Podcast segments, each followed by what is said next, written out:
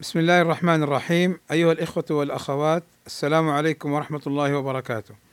وبعد فظلم الإنسان لنفسه يكون باتباعها شهواتها وإيثارها لها على طاعة ربها.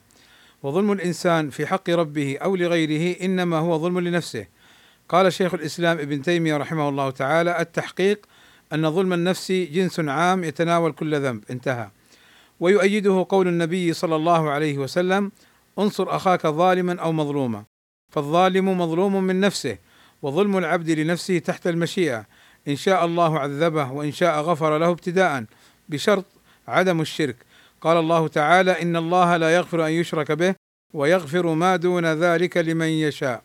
وقال رسول الله صلى الله عليه وسلم قال الله تبارك وتعالى يا ابن آدم لو بلغت ذنوبك عنان السماء ثم استغفرتني غفرت لك ولا أبالي.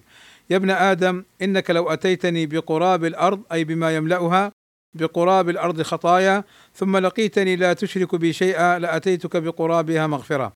وبين النبي صلى الله عليه وسلم أن ظلم العبد لنفسه قد يغفره الله. فعن أنس رضي الله عنه عن النبي صلى الله عليه وسلم أنه قال الظلم ثلاث فظلم لا يتركه الله وظلم يغفر وظلم لا يغفر.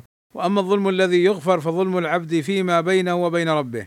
قال ابن قيم الجوزية رحمه الله تعالى ظلم العبد نفسه بينه وبين ربه عز وجل فإن هذا الديوان أخف الدواوين وأسرعها محوى فإنه يمحى بالتوبة والإستغفار والحسنات الماحية والمصائب المكفرة ونحو ذلك والسلام عليكم ورحمة الله وبركاته.